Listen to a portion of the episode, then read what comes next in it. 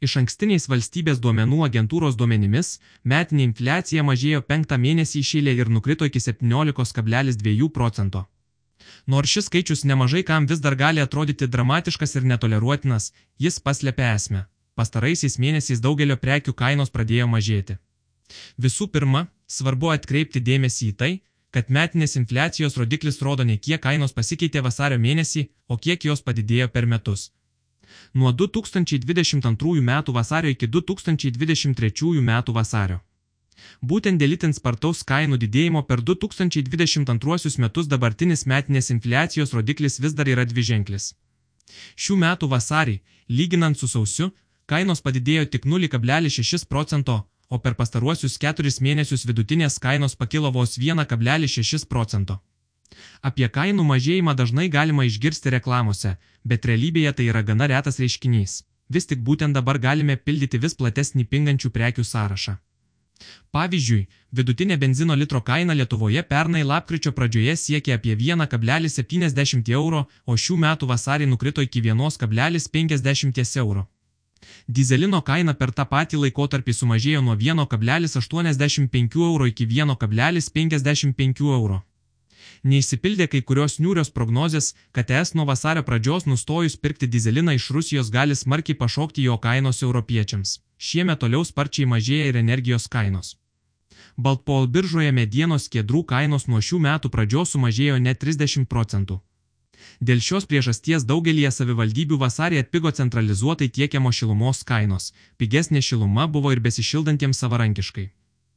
Pernai gruodžio mėnesį gamtinių dujų kaina biržoje dar viršijo 100 eurų už MWH, o dabar jau nukrito iki 50 eurų. Gruodį elektros kaina biržoje siekė beveik 300 eurų už MWH, o šį mėnesį kainavo tik trečdalį to, šiek tiek daugiau nei 100 eurų. Tiesa, ne visi vartotojai moka biržos kainą, tačiau čia svarbu ir tai, kad įmonės pirkdamos pigesnius energijos išteklius nebedidina produkcijos kainos, o kai kurių produktų kainas jau sumažino ir dar sumažins.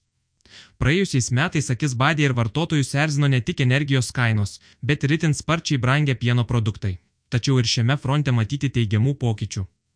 Žemės ūkio informacijos ir kaimo verslo centro duomenimis, žaliavinio pieno supirkimo kainos nuo lapkričio mėnesio pasiekto rekordo - 58 centų už litrą. Sumažėjo penktadaliu ir dabar kainuoja maždaug tiek pat, kiek kainavo prieš metus. Žaliavos ir energijos išteklių pigimas pradeda atsispindėti ir pienų produktų kainose. To paties šaltinio duomenimis, per pastarąjį mėnesį kefyras ir sviestas atpigo maždaug 3 procentais, varškė 5 procentais, o kietieji brandinti sūriai net 12 procentų. Pingančių žaliavų, transporto ir energijos išteklių pasiekme šiemet pajaus daugelis vartotojų. Labai tikėtina, kad dar ne vieną mėnesį šiemet matysime bent kai kurių prekių kainų mažėjimą, o daugelis jų bent jau nebebranks. Tačiau mažiau džiugios prognozės tikėtinos dėl paslaugų kainų kol kas jų augimas nesulėtėjo ir, tikėtina, išliks panašus, kaip ir pernai. Pagrindinė to priežastis - vis dar sparčiai augantis atlyginimai, kurie sudaro didžiąją dalį paslaugų sektoriaus sąnaudų. Nuo šių metų pradžios 15 procentų padidėjo minimalus atlyginimas ir šis pokytis vers daugelį įmonių panašiais tempais didinti ir daugelio mažiau nei vidutinį atlyginimą uždirbančiųjų algas.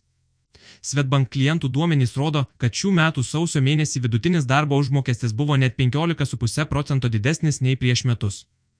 Taip, atlyginimai tokiais tempais didėja ne visiems, pavyzdžiui, bankininkams jie augo gerokai mažiau.